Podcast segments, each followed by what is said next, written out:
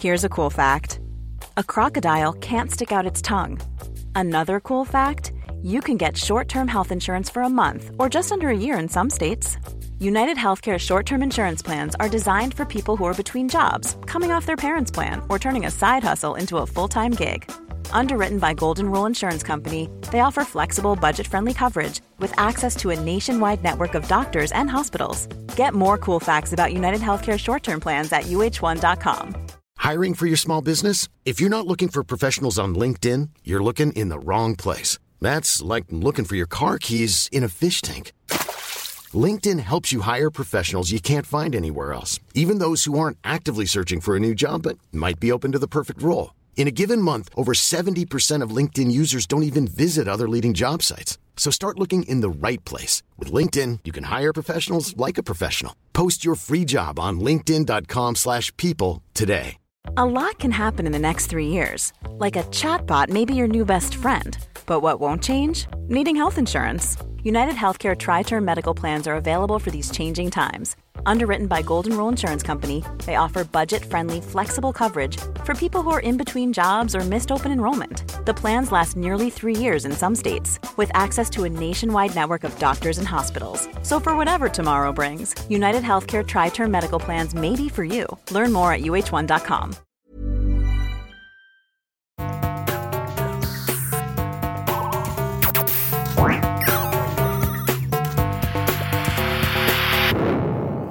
Velkommen til Sinnsyn. Jeg heter Sondre Risom Livre, er psykolog, og dette er Webpsykologens podkast. Hverdagspsykologi for fagfolk og folk flest.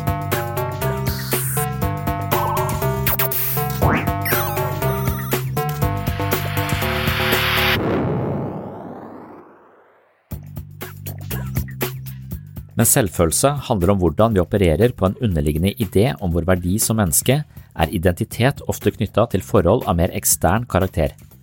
Når vi snakker om identitet, er det ofte med en politisk, religiøs eller kulturell undertone. Spørsmålet om hvem vi er, besvarer vi ofte på dette nivået. Det handler om hvilke forhold som definerer oss, og hva vi vektlegger varierer fra person til person. Noen har en sterk identitet i kjønn, nasjonalitet, seksualitet, karriere, etnisitet, hobbyer, sport, intellektuell kapasitet osv. Ofte er det slik at det vi har høsta anerkjennelse for, blir noe vi utvikler videre og identifiserer oss med. Kanskje skrev du en stil på ungdomsskolen som ble publisert i lokalavisa. Den positive oppmerksomheten gjorde deg stolt og motiverte en ambisjon om å bli forfatter. Å bli verdsatt som menneske er utrolig viktig. Det var de klar over allerede i oldtidens Hellas. Sokrates identifiserte behovet for berømmelse som en del av menneskets sjel. Han mente at sjelen besto av tre deler. Først var det de primitive behovene som tørst og sult, det andre var vår rasjonelle vurderingsevne, men uavhengig av disse hadde mennesket også en iboende streben etter verdighet og anerkjennelse. Sokrates kalte det for thymos.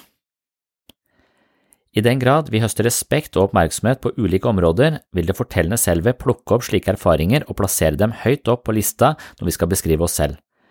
Ofte tenker man at identitet er en stabil størrelse, men for de fleste kan det variere en god del. Heldigvis har vi det fortellende selvet som sørger for smidige overganger brolagt med forklaringer på hvorfor vi identifiserer oss annerledes enn før. Amin Malouf er en eh, fransk-libanesisk forfatter som hevder at identiteten vår kan forandre seg både plutselig og langsomt. Ofte er det slik at ulike aspekter ved identiteten får mer eller mindre fremtredende plass. For eksempel kan en rik person med bakgrunn fra middelklassen føle en slags arbeiderklassestolthet når han omgås bemidlede mennesker som har arvet sin formue. I en slik situasjon identifiserer han seg hovedsakelig som gutten på gulvet som arbeidet seg oppover i hierarkiet med høy kapasitet og pågangsmot. Noen mennesker har en identitet som eh, endrer seg raskt og hyppig, mens andre er mer fiksert på enkelte aspekter som definerer dem, enten er nasjonalitet, religion eller sosioøkonomisk status, mens alt annet betraktes som underordna.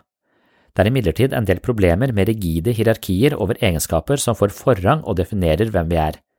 Med smale definisjoner risikerer man å måle andre etter en snever standard eller påtvinge andre å plassere seg selv i det samme hierarkiet, selv om denne typen kategoriseringer blir feilaktige forenklinger. Ingen mennesker kan beskrives i sin helhet i en enkel karakteristikk. Identiteten vår utgjør summen av alle våre typiske tilbøyeligheter. Vi kan påvirke andre menneskers identitet ved å plassere dem i overfladiske kategorier. Det er åpenbart for oss at nordmenn skiller seg fra spanjoler på mange måter, men det er like åpenbart at den enkelte nordmann er forskjellig fra andre nordmenn. Likevel har vi en tendens til å konstruere grupperinger og betrakte alle menneskene i gruppa som like, enten vi refererer til holdninger, gemytt, kriminalitet eller noe annet. Vi kan for eksempel si at amerikanere invaderer, muslimene terroriserer eller meksikanere stjeler. Selv om generaliseringer kan virke ufarlige i hverdagsprat, kan denne typen språkbruk få seriøse konsekvenser for menneskers identitet. Moorloof poengterer at det sosiopolitiske forhold kan influere på menneskers identitet. Han beskriver en homofil mann fra Italia under fascismen. Mannen var en stolt patriot helt til regimet begynte å forfølge homofile. Som undertrykt borger ble han tvunget til å identifisere seg med sin seksuelle legning, noe som i utgangspunktet bare var en bitte liten del av ham. Idet han må forsvare seg, blir patriotismen skjøvet ut i periferien, mens homoseksualiteten får stor plass i mannens identitet. Det samme kan man se hos religiøse grupper når troen utfordres. Mennesker som føler seg angrepet, forsvarer seg. Dermed får det de forsvarer uforholdsmessig stor plass i personens totale psykologiske økonomi. Når vi plasserer mennesker i forenklede kategorier, risikerer vi altså å konstruere farlige stereotypier som faktisk påvirker menneskers identitet. I dagens episode skal vi tilbake til Universitetet i Agder og samtalen med filosof Håvard Løkke. Dette blir siste del i denne miniserien om identitet. Hvis du er enda mer interessert i denne tematikken, har jeg tidligere laget to episoder, henholdsvis episode 42 og 43, om identitet, hvor jeg snakker om fenomenet fra litt andre vinklinger enn dem du finner i denne serien. Så hvis du er mer interessert i identitet, så kan du sjekke ut episode 42 og 43 her på Sinnssyn. I dag får du høre slutten av samtalen med Håvard Løkke og André Sundbø Olsen. Vi har nå snakket sammen i over tre timer, og vi begynner nok å bli litt slitne i hodet. Derfor springer samtalen mer, og den er ikke like spissa inn mot identitet som de foregående avsnittene. Jeg tar den likevel med her for å sette punktum for en hyggelig og interessant samtale under Mangfoldsuka på Universitetet i Agder. Det er midt i januar 2021, og vi snakket sammen mens Biden ble satt i ed som ny president i USA. Som nevnt tidligere er identitet også knytta til kjønn, politisk ståsted, religiøse overbevisninger og mange andre ytre eller kulturelle faktorer. Disse faktorene endrer seg i tråd med bevegelser og bølger i det kulturelle farvannet, noe som også påvirker hvordan vi identifiserer oss. Jeg innleder dagens episode med noen poeng i denne retningen fremført av komiker Sean Lock. Velkommen til den syvende og siste delen av serien om identitet. They say, don't they? They say that political correctness has gone mad. And I think that might be true, actually, because uh, I was at the zoo the other day and I got told off and I said, Look, there's a mongoose. Can't see that anymore. No. Special needs goose, that's what you got to say. It's gone mad, isn't it? It's gone mad. I saw a pufferfish, I thought, I'm not saying a word.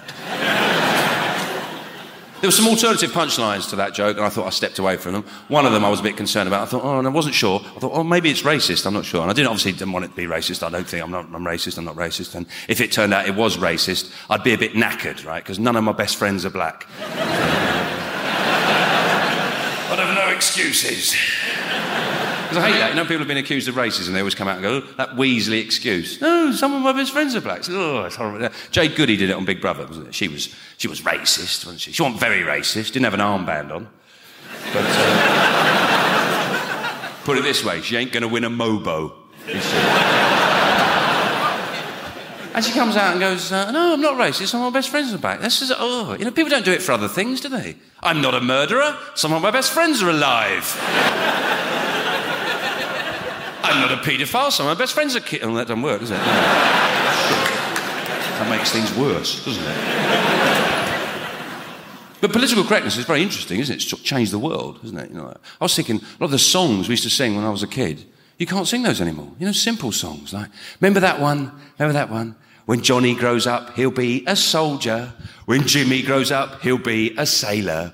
When Timmy grows up, he'll be a tailor. And all the girls will be wives, washing up and cooking dinner, washing up and cooking dinner, washing up and cooking dinner. Wives, wives. It seemed so innocent at the time, you know. Didn't realise the sinister subtext at work. Of course, they say, don't they, a woman's work is never done. Maybe that's why they get paid less.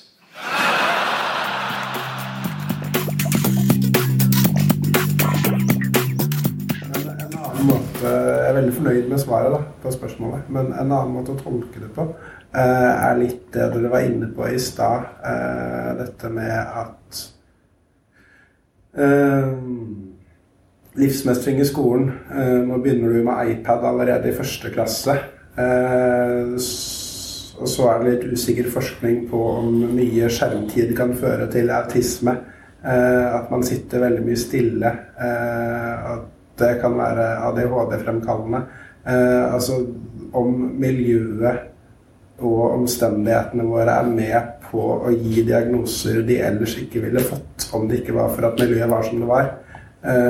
litt som dere var inne på i stad, som Instagram og sånn, at det blir veldig mye konkurranse og veldig mye angst for å ikke være bra nok eh, og lykkelig nok og realiserende nok fordi du, sammen, du stadig sammenligner deg med andre. Øh, og det var du inne på litt i stad også. Mm. Uh, så vi vil se tilbake om noen år på hvor usunt samfunnet var, og at veldig mye av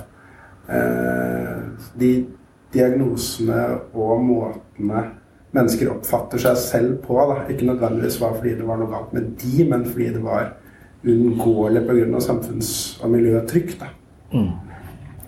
Der er jo sånn overbevist han er Tristan Harris som står bak den dokumentaren og sånn på, på, om sosiale medier, at det er helt sikker på at det fucker oss opp ganske mye mer enn vi har tatt inn over oss uh, foreløpig. Og det at vi vi er jo et vi er jo et produkt som de spesielt Facebook og Google tjener penger på.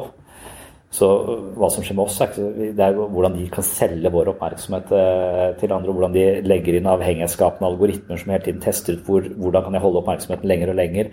De har sånne smarte algoritmer som fanger oss. Altså, de, det er jo, det går på, da har vi ikke noe fri vilje lenger. Altså, det, de stjeler fri vilje også. De, de de har en måte å hacke oss på som gjør at vi programmerer som bruker mer og mer tid der, som egentlig skulle brukt på, på, barna mine. Så det var en tidspunkt hvor vi drev og malte kjøkkenet vårt med en maling som var full av giftstoffer som vi fikk kreft av.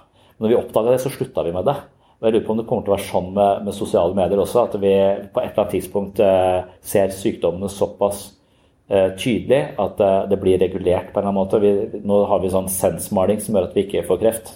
Jeg vet ikke om vi får kreft av det da, men foreløpig så tror vi ikke gjør det. da, så at det, at det, er noen sånne ting som jeg, jeg tror vi kommer til å måtte, måtte endre. Og så er det jo påfallende at alle de der folka i Silicon Valley lar barna sine gå på sånne Montessori-skoler og sånne uten skjermer. Og, og, så ja.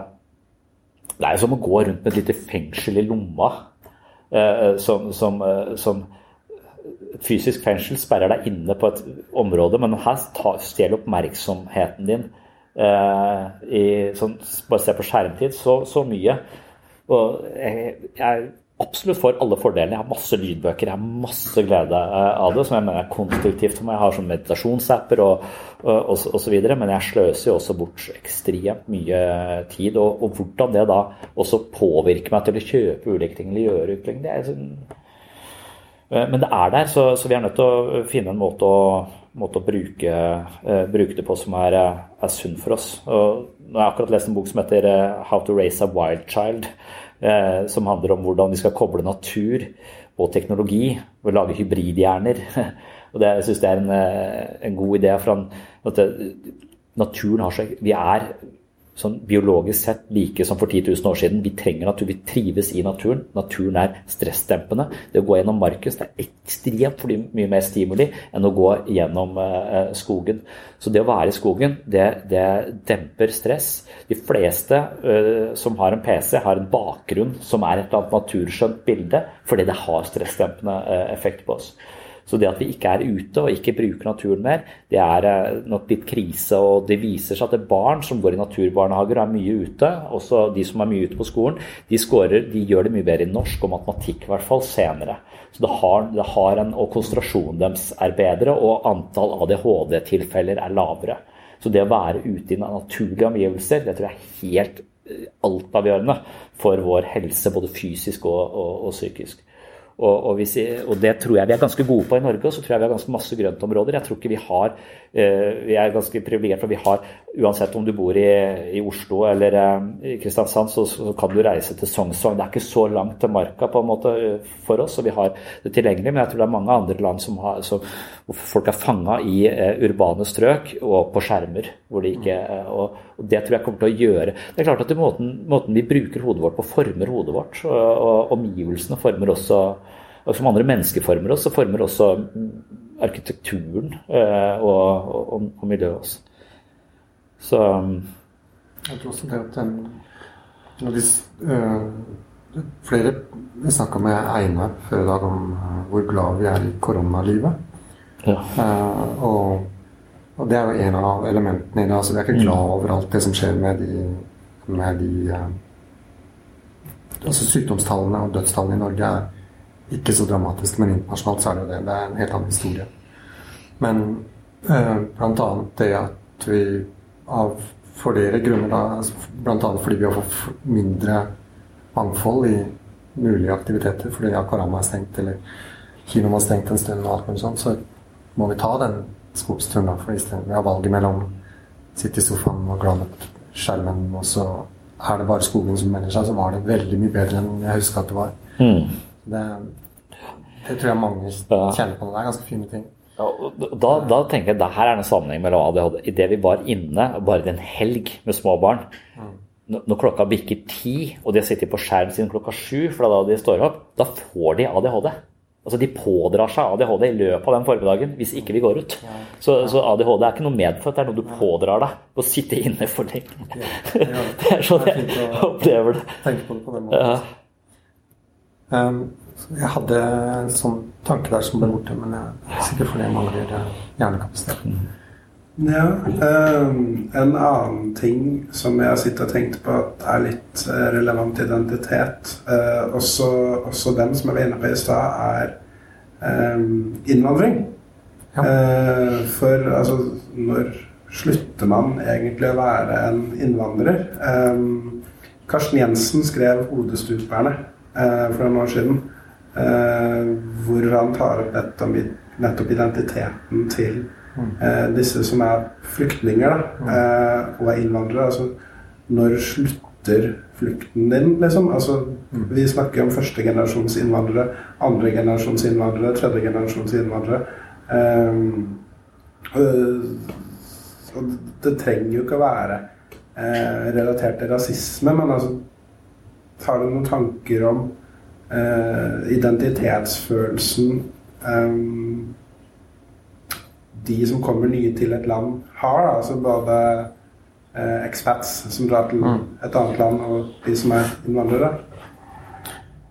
Jeg kommer på hva jeg tenkte i stad, for jeg tror det er et godt svar på det. Eller et godt, godt sted å begynne. Mm.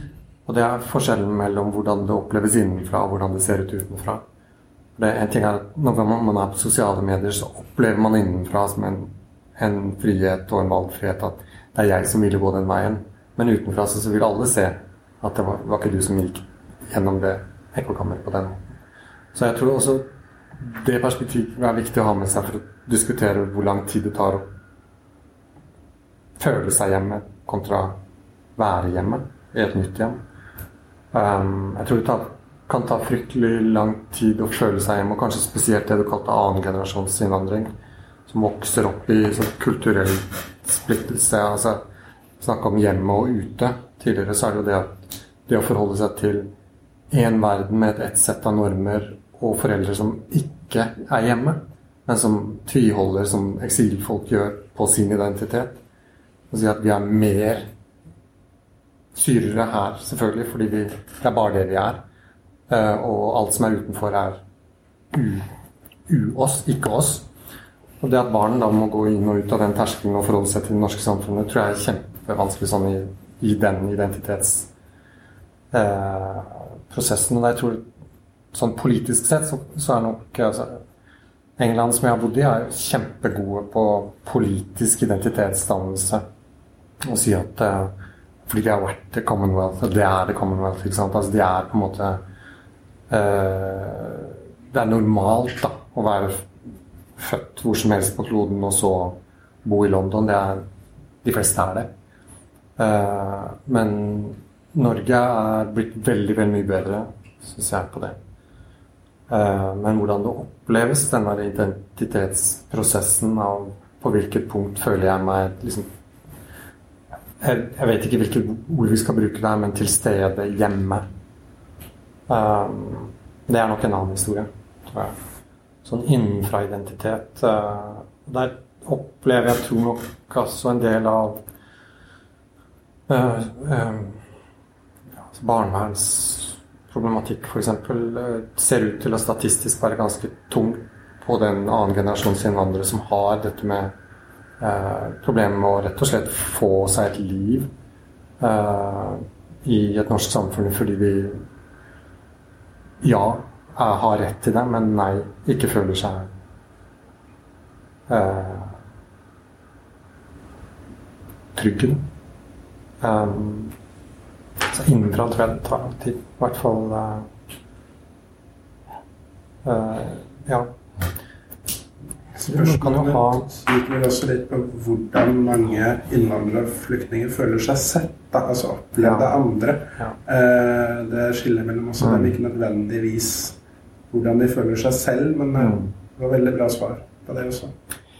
Det er kjempeviktig hvordan de føler seg sett, og det kan vi jobbe med alle sammen. Altså bare se og se mennesker og, og, og være liksom medmenneske i det å se, se, hverandre. Det kan vi jobbe med alle sammen. Men uh, men den følelsen av innvendig identitet eh, er vel en familieanliggende, egentlig. Mom deserves the best, and there's no better place to shop for Mother's Day than Whole Foods Market. They're your destination for unbeatable savings, from premium gifts to show-stopping flowers and irresistible desserts. Start by saving 33% with Prime on all body care and candles. Then get a 15-stem bunch of tulips for just $9.99 each with Prime. Round out Mom's menu with festive rosé, irresistible berry chantilly cake, and more special treats. Come celebrate Mother's Day at Whole Foods Market. Hey, it's Danny Pellegrino from Everything Iconic. Ready to upgrade your style game without blowing your budget? Check out Quince. They've got all the good stuff shirts and polos, activewear, and fine leather goods, all at 50 to 80% less than other high end brands. And the best part? They're all about safe, ethical, and responsible manufacturing. Get that luxury vibe without the luxury price tag. Hit up quince.com slash upgrade for free shipping and 365 day returns on your next order. That's quince.com slash upgrade. Hey there, it's Michelle Norris. I'm host of a podcast called Your Mama's Kitchen. When I travel, I'm usually looking for a way to find a taste of home when I'm not at home. And one of the things I love to do when I am at home is entertain. And Airbnb allows me to do that. When I was in California recently, I rented a house that had a great kitchen. And when we were sitting around the table, we're all thinking, we're in someone else's house. Someone could be in all of our homes as well. If you have a home, but you're not always at home, you have an Airbnb. Your home might be worth more than you think. Find out how much at airbnb.com/slash host.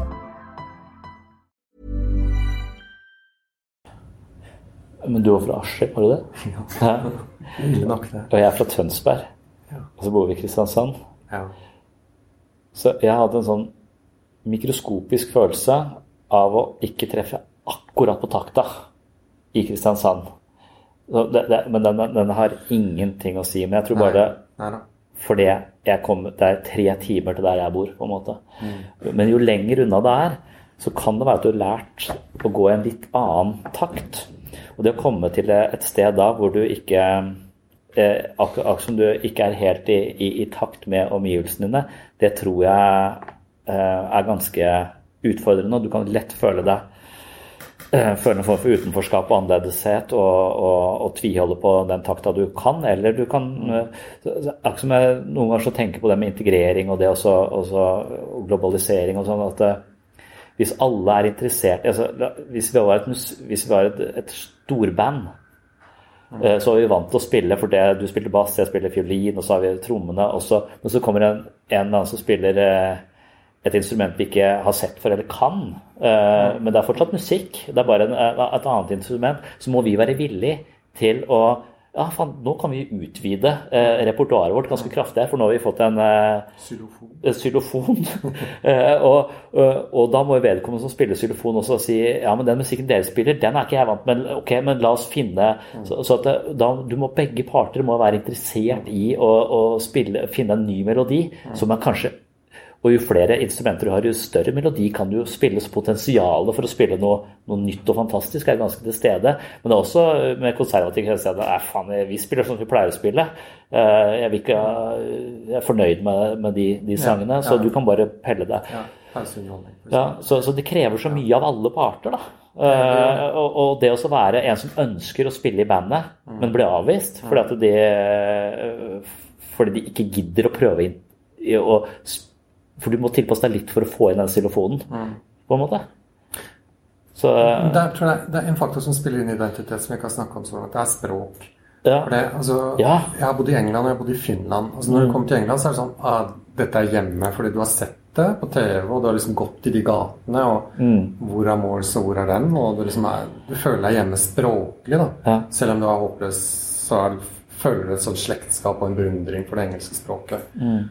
Og så kommer du til Finland, og du ikke skjønner bæret. Mm. Du vet ikke, ser et skilt, og du vet ikke om det er politi eller mm. iPad de selger. Liksom. Det, du er helt lost. Mm. Så det med å ha en sånn språklig sånn begrepsforståelse, det å på en eller annen måte tenke slik det tenkes der, da. Mm. Det gjelder jo både flyttinga fra la oss si, Østlandet til Sørlandet mm. i, i, en viss grad. Og det har mye med takt å gjøre. altså tenke sånn som det tenkes. Ja. When in Romans, do after Romans. Det er, mm. Så det er den derre relative at du på en måte Når jeg kommer dit, så er jeg litt sånn som det er der. Mm. Og det er en sånn mini-utfordring å flytte Tønsberg Larsen til, til Kristiansand, men det er en gigantutfordring mm. fra visse språkgrupper som er, har en måte å tenke om ja. virkeligheten på, til språkgrupper som er bare Altså, to år i Finland Jeg fikk ja. venner, men de var akademikere alle sammen.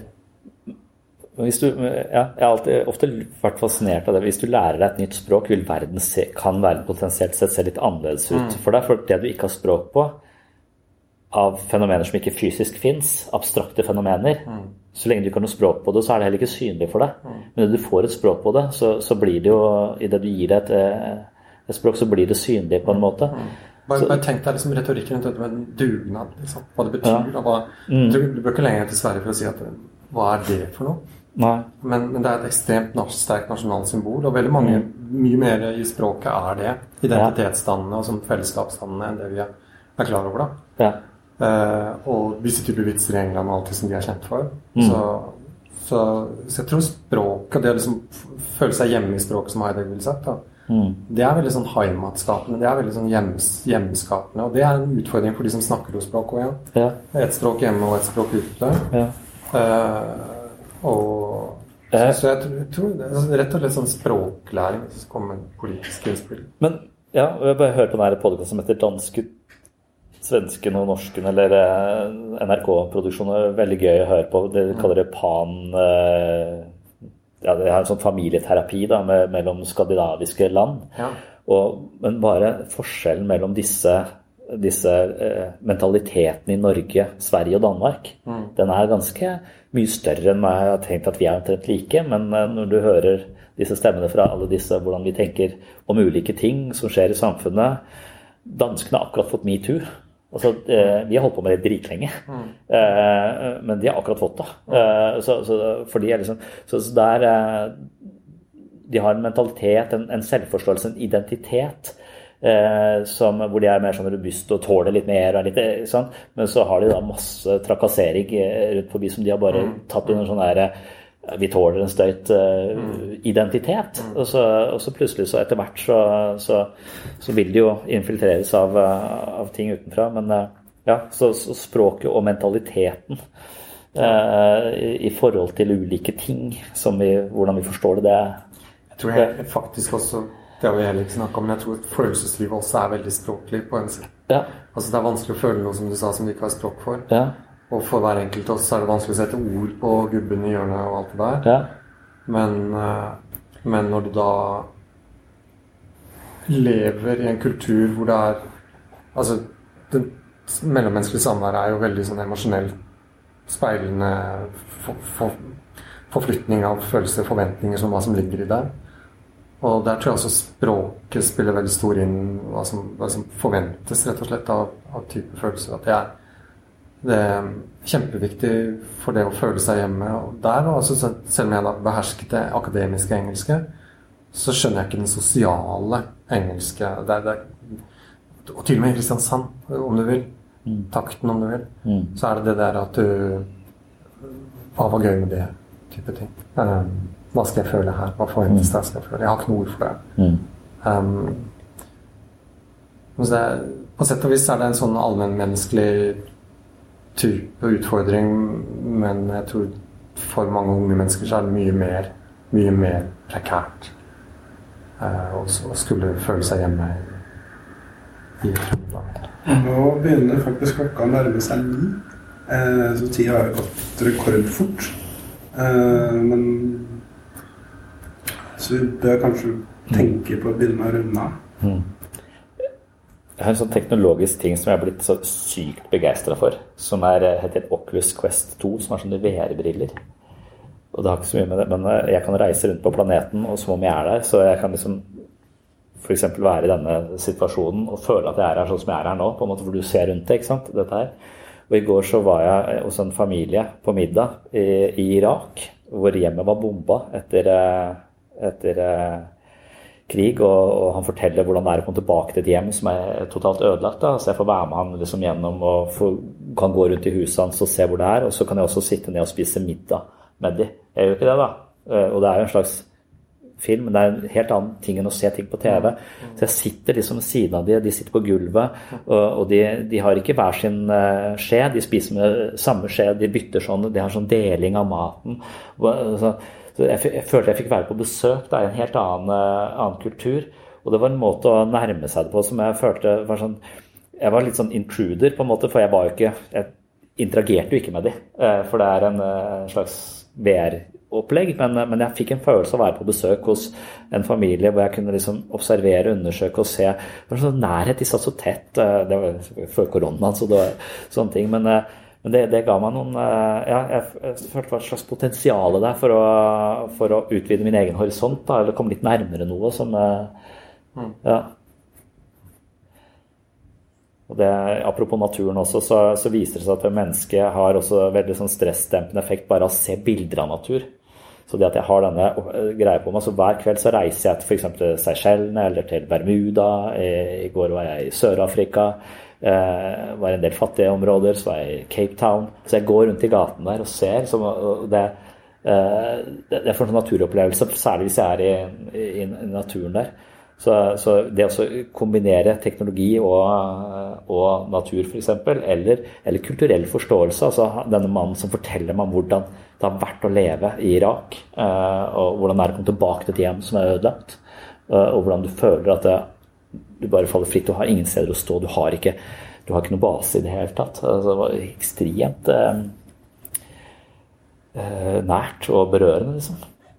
Så, så, teknologien kan Jeg føler at VR-brillene, nå som vi ikke kan møtes så mye, at det kan virkelig Det kan vi også møte folk der inne. Så i det er Wonder så går jeg sammen med en fyr som jeg kjenner, så vi går ut og utforsker planeten. Så det det er ikke et alternativ til virkeligheten, men det er en måte å møte, møte noe, noe på jeg tenkte på det når du har snakket om dette med kultur og forståelse og, og takt og tone. For det er én ting er språket, men en annen ting er altså bevegelsene, eh, kutymene, eh, eh, interiøret, eh, estetikken. Alt dette her. Eh, som hvis du våger det, kan jo eh, Det er liksom det som er tema i selvutvikling, er altså våge å utvide denne komfortsona di litt. Altså smake på ny mat. Bare liksom, og være litt mer åpen for, for det. Som for øvrig også er et personlighetstrekk. da, Åpen for nye opplevelser. og Spørsmålet er det medfødt, eller er det også noe man kan trene opp? Eller er det også en sånn fotballtalent du har eller ikke har? Om du er åpen, og hvis du ikke har det, må du da bare trene litt ekstra? Trene. Ja, jeg, tror, jeg tenker også at ingenting er eh, totalt determinert fra naturens uh, side. Men en annen Jeg er helt ustoppelig. mm. En annen ting.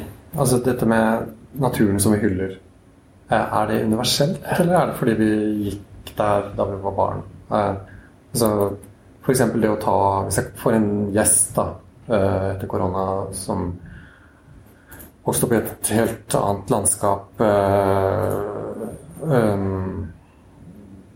prærien, la oss si. Fem mil til neste tre, tre eller noe sånt. Og så går i tette norske skoger. Kan jeg liksom forvente at det oppleves som Tror du det? Eller er det sånn at vi lærer oss til Oi, så fint det var. Eller er det universelt å liksom sette pris på, på naturen? At hvis jeg reiser i ørkenen, så opplever jeg at jeg aldri har vært der. Mm. Um, eller er det lært? Ja. Det er i hvert fall skrevet flere bøker om bare horisonten. Eh, så, så i det du ser ut i ja, Det virker på deg på, på, uten at jeg kan gjengi hvordan det Både ørkenen og havet? Liksom du... Kanskje. Det, uh, havet har sine egne sånne uh, fjelle. Så ja, men, men, men sånn folk i alle, alle, alle, områder ser ut til å søke f.eks. fjelltopper. da. Ja. Altså at det er, mm. det, det er liksom mytologier rundt dette med å leve at det representerer noe i de forskjellige kulturer, ja. uh, i mytene der. Og også den uh, ørkenen som hva det ørkenen representerer for ørkenmunkene, f.eks. Altså den type for mm. uh, kontemplasjon som ligger der, og skogen mm. i norsk sammenheng. Så. Ja. så det ser litt sånn universelt ut at, at, naturen representerer mentale trekk. da. At steder vi kan kjenne oss gjennom. Ja. Uh, ensomheten på havet, sånn type. Mm. Gamle mann og havet. Ja.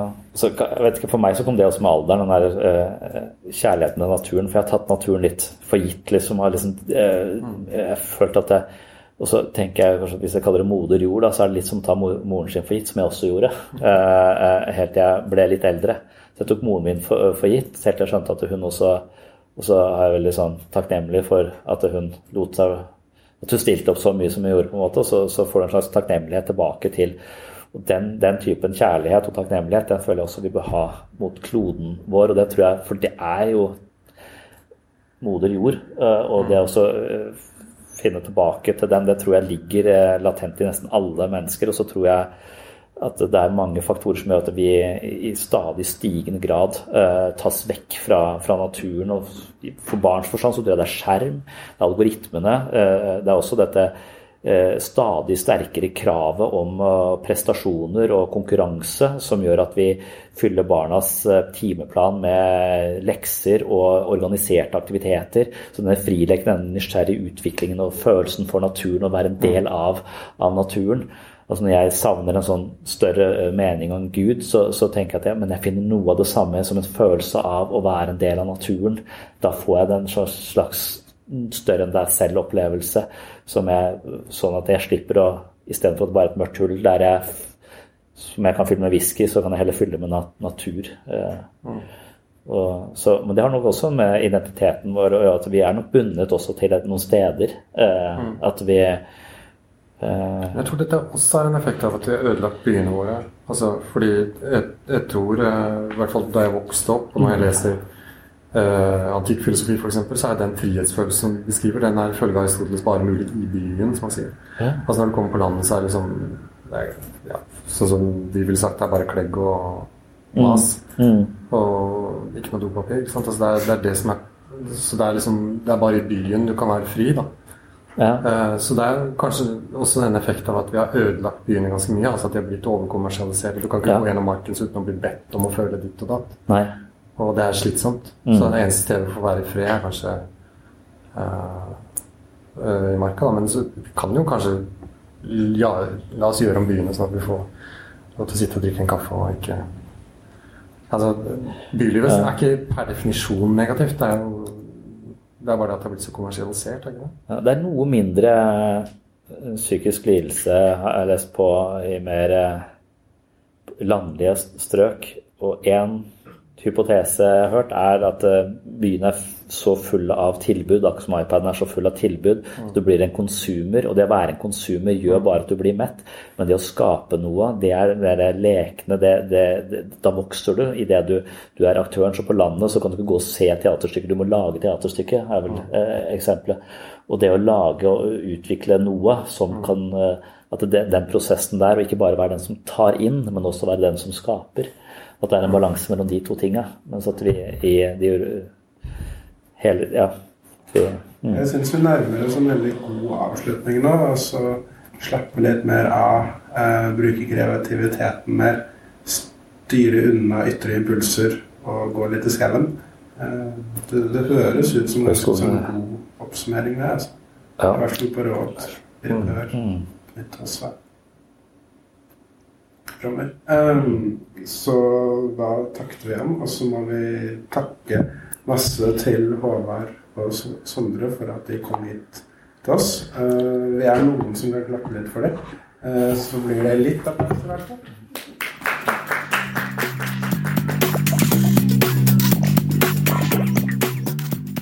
Some places you have to pay to camp. You have to pay to sleep outside. That's got to be insulting to the homeless people. happy camper. Has anyone ever really been a happy camper? Because whenever we use that term, we're being sarcastic. He is not a happy camper. Well, why don't we just call him a camper? He's miserable. You know who's a happy camper? The guy leaving the campsite. He's the happiest camper. He gets to take a shower. I probably wouldn't be so scared if I wasn't sleeping in a bag. Hey, let's prepackage ourselves for the serial killer, huh? I can't get away, can you? I could hop for a little, but I'm dead meat. You ever have to go to the bathroom in the middle of the night? You always look at your friends, nice knowing you. And want to come and get killed with me, or you want to get killed looking for me? We're all dead. And it's not just serial killers. There's bears out there. Last time I went, we got this pamphlet that said if a bear approaches, you're supposed to play dead. Really? We're going to rely on my acting skills? play dead? Who came up with that? Maybe the bears? Play dead, cover yourself in honey, climb on a large white plate. Don't try to run away from us. I mean the bears. Takk for at du hørte på Sinnsyn. Tusen hjertelig takk til eh, Linjeforeningen for filosofistudentene, Filosofia som de heter, ved Universitetet i Agder. Det var de som arrangerte denne samtalen.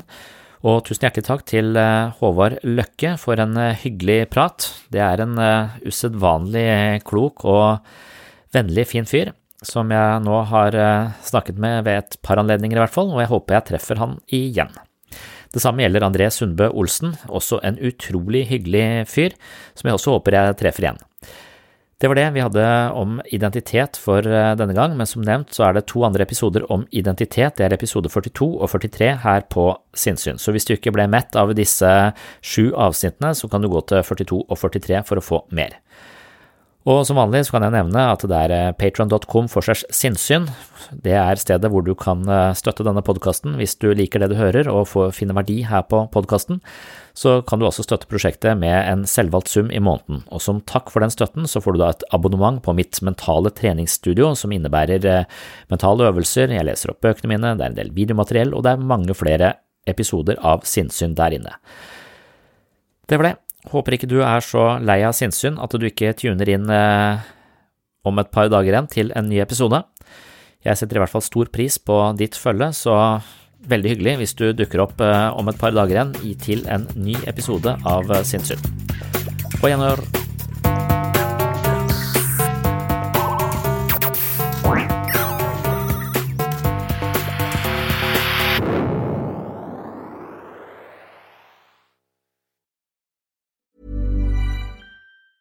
Normally, being a little extra might be a bit much, but not when it comes to healthcare. That's why United Healthcare's Health Protector Guard fixed indemnity insurance plans, underwritten by Golden Rule Insurance Company, supplement your primary plan so you manage out of pocket costs. Learn more at uh1.com. Hi, I'm Daniel, founder of Pretty Litter. Did you know cats tend to hide symptoms of sickness and pain? I learned this the hard way after losing my cat, Gingy. So I created Pretty Litter, a health monitoring litter that helps detect early signs of illness by changing colors, saving you money and potentially your cat's life. Pretty Litter is veterinarian developed, and it's the easiest way to keep tabs on your fur baby's health right at home. Go to prettylitter.com and use code ACAST for 20% off your first order and a free cat toy. Terms and conditions apply. See site for details. A lot can happen in the next three years. Like a chatbot may be your new best friend. But what won't change? Needing health insurance. United Healthcare Tri Term Medical Plans are available for these changing times Underwritten by Golden Rule Insurance Company, they offer budget-friendly, flexible coverage for people who are in between jobs or missed open enrollment. The plans last nearly three years in some states, with access to a nationwide network of doctors and hospitals. So for whatever tomorrow brings, United Healthcare Tri-Term Medical Plans may be for you. Learn more at uh1.com.